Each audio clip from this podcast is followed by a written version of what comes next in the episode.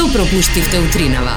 Е ладно, облачно, тмурно, сиво, Јас не знам како е вашите градови, ама ќе ми значи ако добиеме некоја фотографија од сонце. Ако евентуално некаде има да речеме. Па, не знам какво е тука, темница е, ама не ми се допаѓа колешки што петочки ме тераш минута порано да се почне да се работа. Мислам, знаеш, тоа, тоа е тој момент кога никој нема да ти каже фала, Ама затоа у 7.33 ако почнеш сите ти викаат, абе, А, ајде, си, кај да. сте касните. Добро, ма оваа минута со која што стартувавме малку порано, може да ја искомпензираме за на крајот. Да речеме минута порано да се одјавиме. Можеме. Што да Можеме, не. нели? Да. Да. Ето. Ретро петок е денеска, слушаме стара македонска музика, така да е, Ако имаш некоја идеја, музичка желба, било што што сакаш да чуеш, што е изводливо, нели, што можеме да го пуштиме, можеш да го пратиш во порака а, на Facebook или на Instagram, можеш да го пратиш на Viber, можеш да ни се јавиш и да го порачаш истото, едноставно на било кој начин на кој што можеш да ни исконтактираш, чисто да да знаеме која е твојата музичка желба за денес. Народски кажано хаос. Хаос, да, и тоа дали протестите и блокадите ќе продолжат и за време на викендот, приватните превозници не си кажуваат Ау. сега за сега, ама нагласуваат дека секако ќе продолжат од понеделник, ако до тогаш нема решение на проблемот и дека тие ќе се радикализираат. Инаку коорди- координативното тело на приватните превозници утринава го блокираше булеварот Илинден, од семафорите кај влада до семафорите кај Мира, значи таму во двата правци ви е блокирано само десните ленти од коловозот. Значи малку е како блокирано, односно ќе ќе предизвикува гужва, но сепак може да поминете ако сте доволно упорни да поминете од таму. Вели, она што е Интересно е дека а, имаме најава од приватните превозници дека може би М, м, уште повеќе ќе се засилат протестите во текот на а, следната недела, ако нема никакво решение, односно во понеделник овие 200 автобуси ќе се прегрупираат и ќе го блокираат сообраќајот од 6 часот наутро, ќе има целосна блокада на раскрсницата кај Мавровка, а не како сега, и на раскрсницата кај Црвен крст и на улицата Линденска додаде тој. И затварајќи ги сите овие три клучни точки е, низ Скопје, не знам како ќе се стигнува од едно до друго место. Веројатно ќе треба да излезете на обиколница, па од обиколница да стасете на другата страна на градот. Е, Јовановски или повторно ги ги отфрли обвинувањето на Арсовска дека приватните превозници во изминатите пет години немаат пријавено продадени билети и така Ја, натаму и така натаму. Леле. Од друга страна ги чекаат нивните пари кои што не се стасани. Е, град Скопје преку соопштение кажа дека го раскинува договорот со Сдруженијето на приватните превозници. Сакам да ти кажам, каша попара. Каша попара, ама тоа е тоа. Телевиза пресента. Што и да е, правиме, ќе си сркаме народски Мене ме интересира зошто никој до сега не најде инсерти да го направи телевиза пресента. Буквално имаш доволно инсерти да направиш таква шпанска серија. А знаеш што е трагедијата? Просечниот граѓанин Пати. на своето работно место. Просечниот граѓанин нема како да стаса од едно на друго место. Просечниот граѓанин баш му е гајле кој кому не му платил или зошто не му платил, едноставно се нервира како ќе стаса до своето работно место во овие студен, студени денови. Да беше веројатно во текот на летото, па и некако ќе се снајдеш. Пешки, со велосипед, е, со тротинет, низ целиот свет, не знам, некако ќе се сногеш. Сега ситуацијата е врвка. Ем е ладно, ем е блокирано, ем автобуси нема, односно нема, нема приватни автобуси, така што веќе е многу а, работата искомплицирана. Еве, колегата вели дека наместо во 6.30 морал да стаса во 5.50 денес на работа, знаејќи дека ќе има протест, што значи дека го комплицира животот на просечните граѓани. И што ќе се случува понатаму, искрено немам идеја. Добро утро. Ало. утро.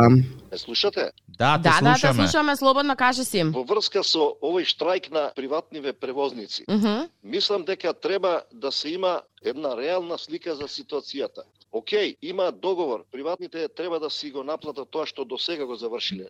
Но и градот Мгм. и државата имаат право на приватните да им побараат не постари автобуси од 5 до 10 години со европски стандарди, еколошки, за луѓето да можат достоинствено да се возат, а не да се возат во канти од автобуси купени како отпад од Европа. Ако сакаме во Европска унија со европски автобуси. Кратко и јасно. Тоа е ферплејот. Ја, фала ти. Добро, добро. Држи вода. Држи вода, да, да, да, да, држи вода. Инаку во меѓувремено стаса и пораки неколку на Добро. социјалните мрежи на Facebook и на Instagram. А, Наташка и Александар пратија фотографии од Битола. Битола сончева. Сериозно? А, да, да, да, да, да, уште една фотографија Стаса, овој пат од Гевгелија, исто така, сончева. Стефан вели, влез на Скопје битва за Маврак, Мавровка никогаш почисто не било, да се штрекуваат овие почесто и никогаш побрзо од Куманово не сме стигнале за Скопје. Ама чекај, чекај, чекај. Чека, ова- Има ова тука изгледа. квака од Да. Куманово ќе стигнеш брзо во во Скопје, ама потоа кога ќе треба низ Скопје да одиш. Е, тоа- тогаш држте му се, што да ви кажам. Стас уште една порака од Петар, вели, елајте си Демир Хисар, нема гужва и сонце има. Поздрав. Е, да знаеш како би дошла, одма би дошла. И за сонцето, и за тоа што нема гужва, ама како ќе се излезе, тоа е прашањето. Додека да излезеш од Скопје денес ќе биде проблем. Се надевам дека петочно пола од вас некаде ќе имаат каде да заминат во некои посончеви краишта, каде што ќе може да си уживаат во текот на викендот, каде што може да си дишат чист воздух, да не се замараат со тоа дали има или нема гужва или има или нема штрајкови.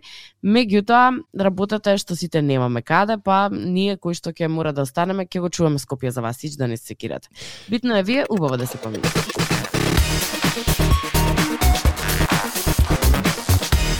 Добро утро, Тик-так и Зорка на Радио 2, сите предходни емисии на слушај.тиктак и зорка.мк, Тик-так и Зорка на Facebook и на Instagram, неколку пораки дојдоа, морам да ги прочитам пред да се осврнам на реалната градска состојба. Едниот вели, просечниот граѓанин не му гледа и кјути на своја штета, не само автобусите, туку и ние граѓаните треба да одиме пред седиштето, затоа што трпиме. Ова што се случува не афектира сите нас. Стаса порака и на Вибер, односно Стаса неколку пораки на mm -hmm. Вибер, ама во моментов Виберот реши да престане да Да крашна. дава знаци на, на. Да, да, тоа е Android телефон. Прекрасно. Мислам, некој еве го, се, се, се вклучи. А, едната порака вели, а, колку што бараат превозниците, толку треба да бараат и а, граѓаните на Македонија, да се собереме сите и да им дадеме по едно евро да го решиме проблемот. Сериозно.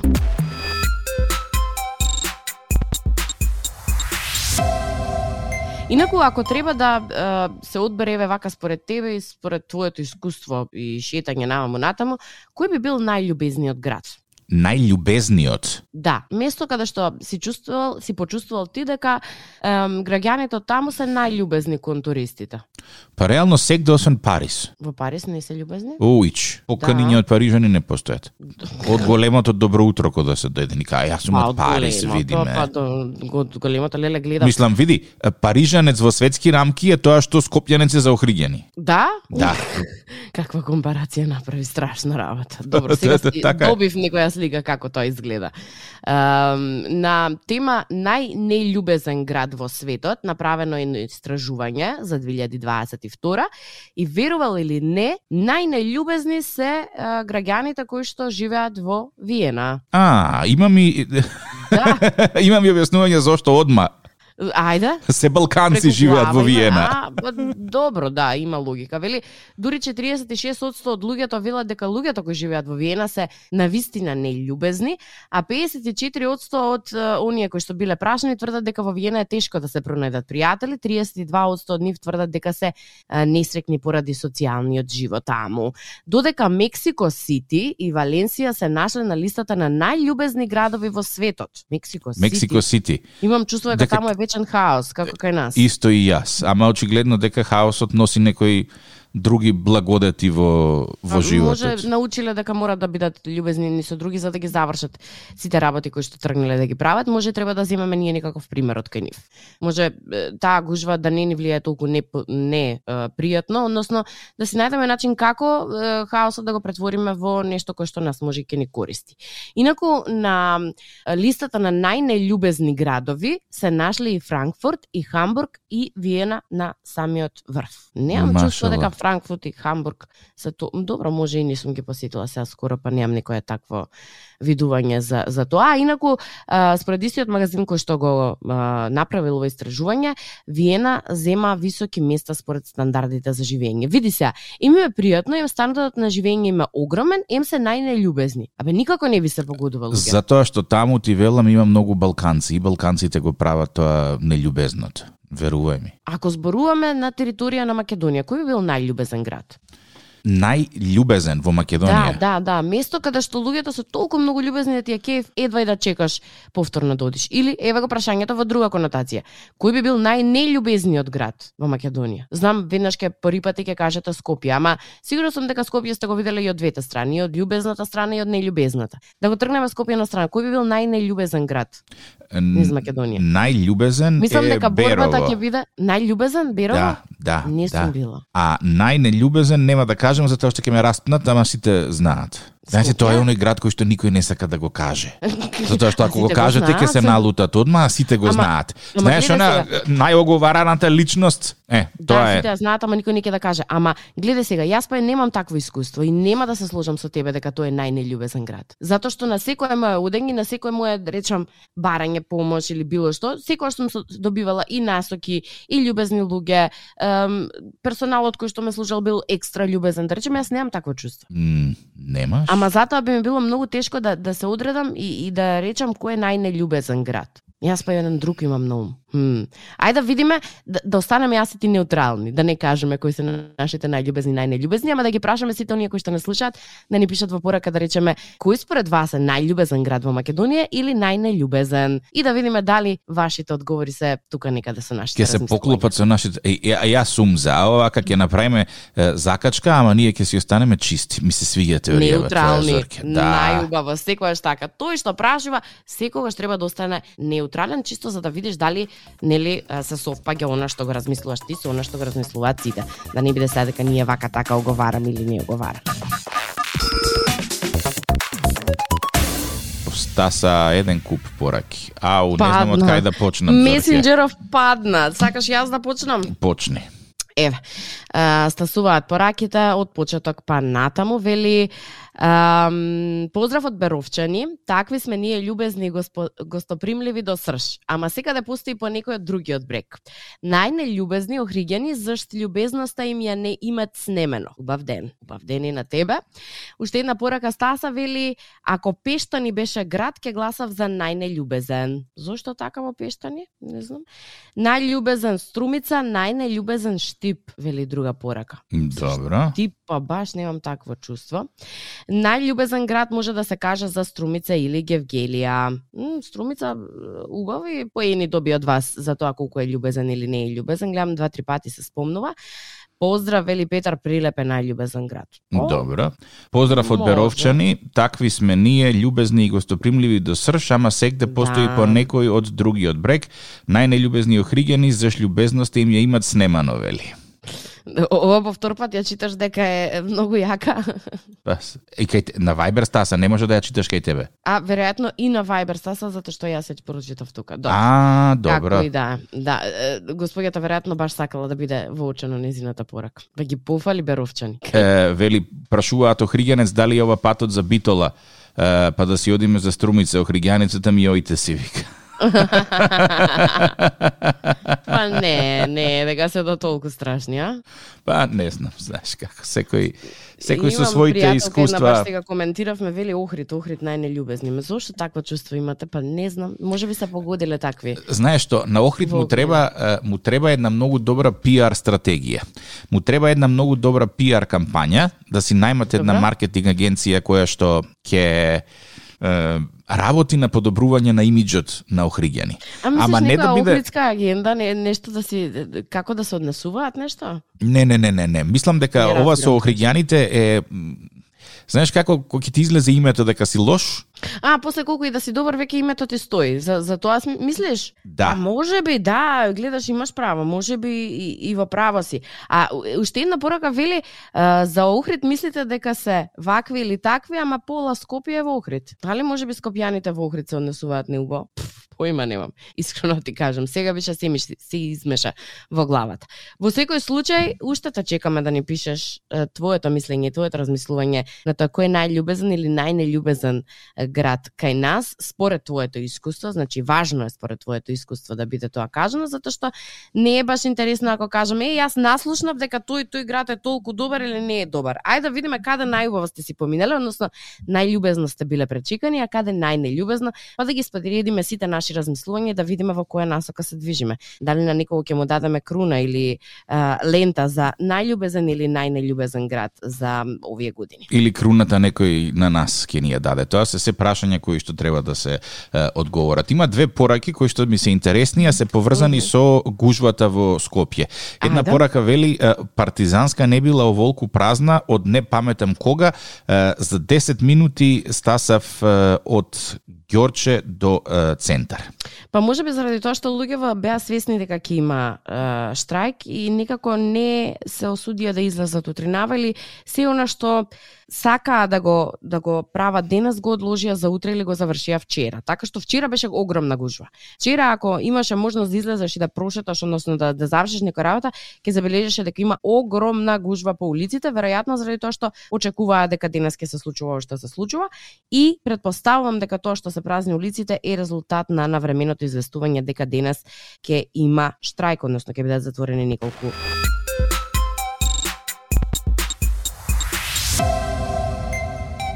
Еве, стаса пораки и би сакала да ви ги пренесам во целост. Една порака вели, најлюбезен град е дефинитивно Кавадарци.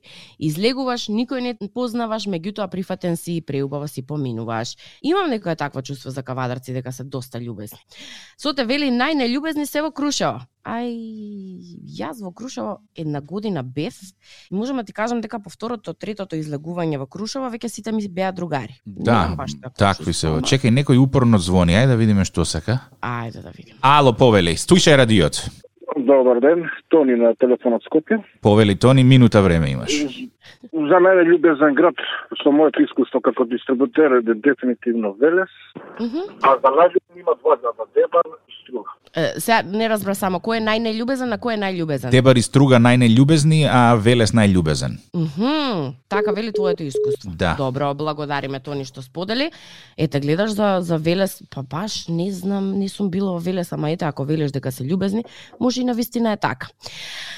Уште пораки стасуваат, вели а, Охрид најнелюбезни, најлюбезни прилеп, вели Стојан, една порака дојде од Мартина, која што е малку подолга, вели вака.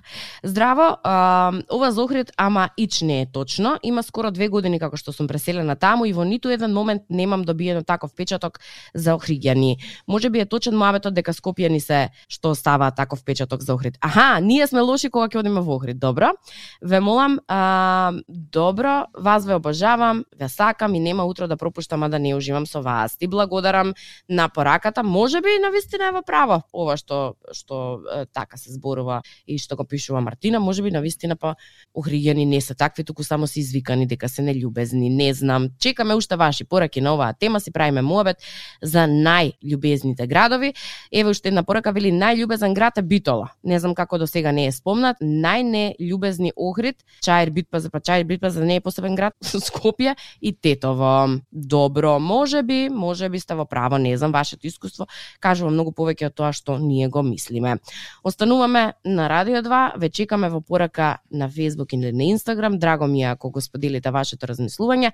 Ако сепак има нешто кое што сакате да ни го кажете во живо, ве очекуваме на телефонскиот број кој што ќе ви го каже тик-так, а е 079-274-037 по можност вртете на Viber или на WhatsApp. Добро утро.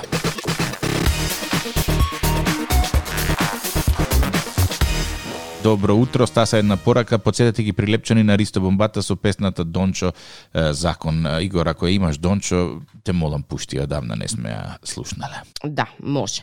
Значи, денес се муабитиме на тема најљубезен, односно најнелюбезен град според вас, односно вашето искуство и слободно може да си побарате песна, ретро македонска песна, која што може би не сте ја чуле одамна, а утринава мислите дека ќе си го разубавите денот на шаќа и вас и на сите тие околу кои што слушаат, може би. Нешто се случи, нешто ти падна да не свирче, Телефонот падна. А, ја Вчера го свирчето. скрши, а и мислам дека и од телефонот не го не остана ништо. Не, не, не, не. Чека се слуша дека дувам, нели? Ама не не се слуша таа. Да, да, да. Ете, Ете го, го. обратно сум, сум свиркала. Ту, ни за свирче не ме бива. Ем, добро, она што е многу интересно е дека стасуваат пораки цело време и дека телефонот кај тебе звони, па може да слушнеме.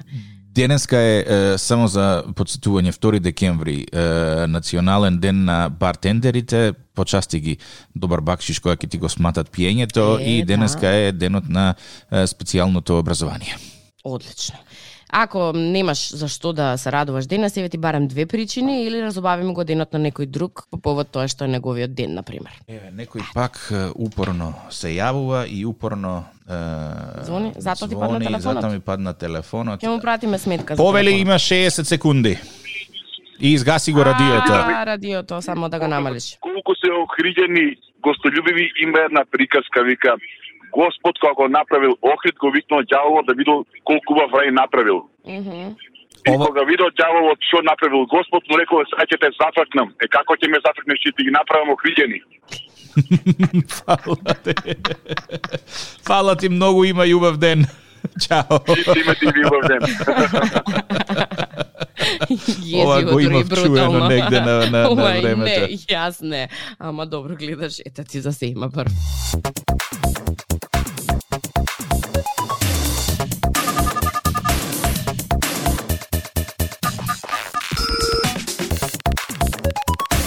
Добро утро, искуство, комерција, Ајде. 13 години. На ниво на држава сме катастрофа, гостопримливост. Е, сега има две работи. Една работа кој ќе дојде гостин од странство. Ете, тога сме гостопримливи за сите пари и за кусурот. Па пари нормално. Парите го прават гостопримството, драги мои. Да, Така да. така е. Зависи кој човек како ќе се појави на вратата ако го видат, нели, тотеран среден господин е вака така. Значи, прво и основно немаме култура на ниво на држава, за разлика од према запад да фанеме. Исто не е катастрофа. Држи вода. Фала ти многу за сега- јавува. Ајде, уште имаш. А сега кој ќе ти дојде тома некој кога се покажуваме. Значи сме Да. гостопримливи, така викаат сите пример гости од Турција кои ќе дојдат од другите држави. Меѓутоа на професионално однесувањето е тука малце проблем. Само уште еден пример ќе дадам. Одам Мгм. во тука во Скопје и нудам роба за продажба и господјата од другата соба ми испаѓа пошто пола дуќан беше, мислам дуќан другата соба за живење и она ми испаѓа со скутеле, го прави гравот таму и ми вика: "Каде бе сега најде дечко гравот ќе ми загори. Сега ли си иде у 2 сата да нудиш роба?" Па стварно ти загори. Убав ден. Фала ти. така да дечко. Ја мислам она не била го- негостопримлива, само имала мака со гравот сега, треба да разбирам и не се. Па сега жената си има зорт. Мака си има жена.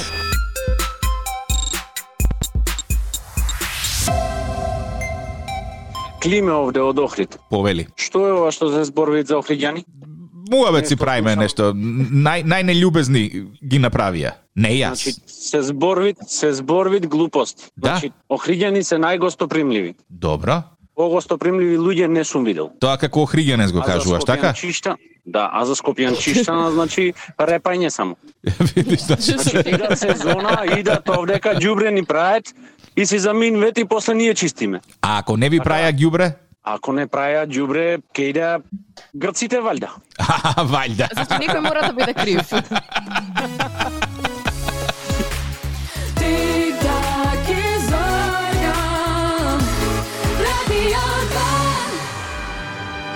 На Радио 2, секој работен ден од 7.30. Будење со Тик-так и Зорка.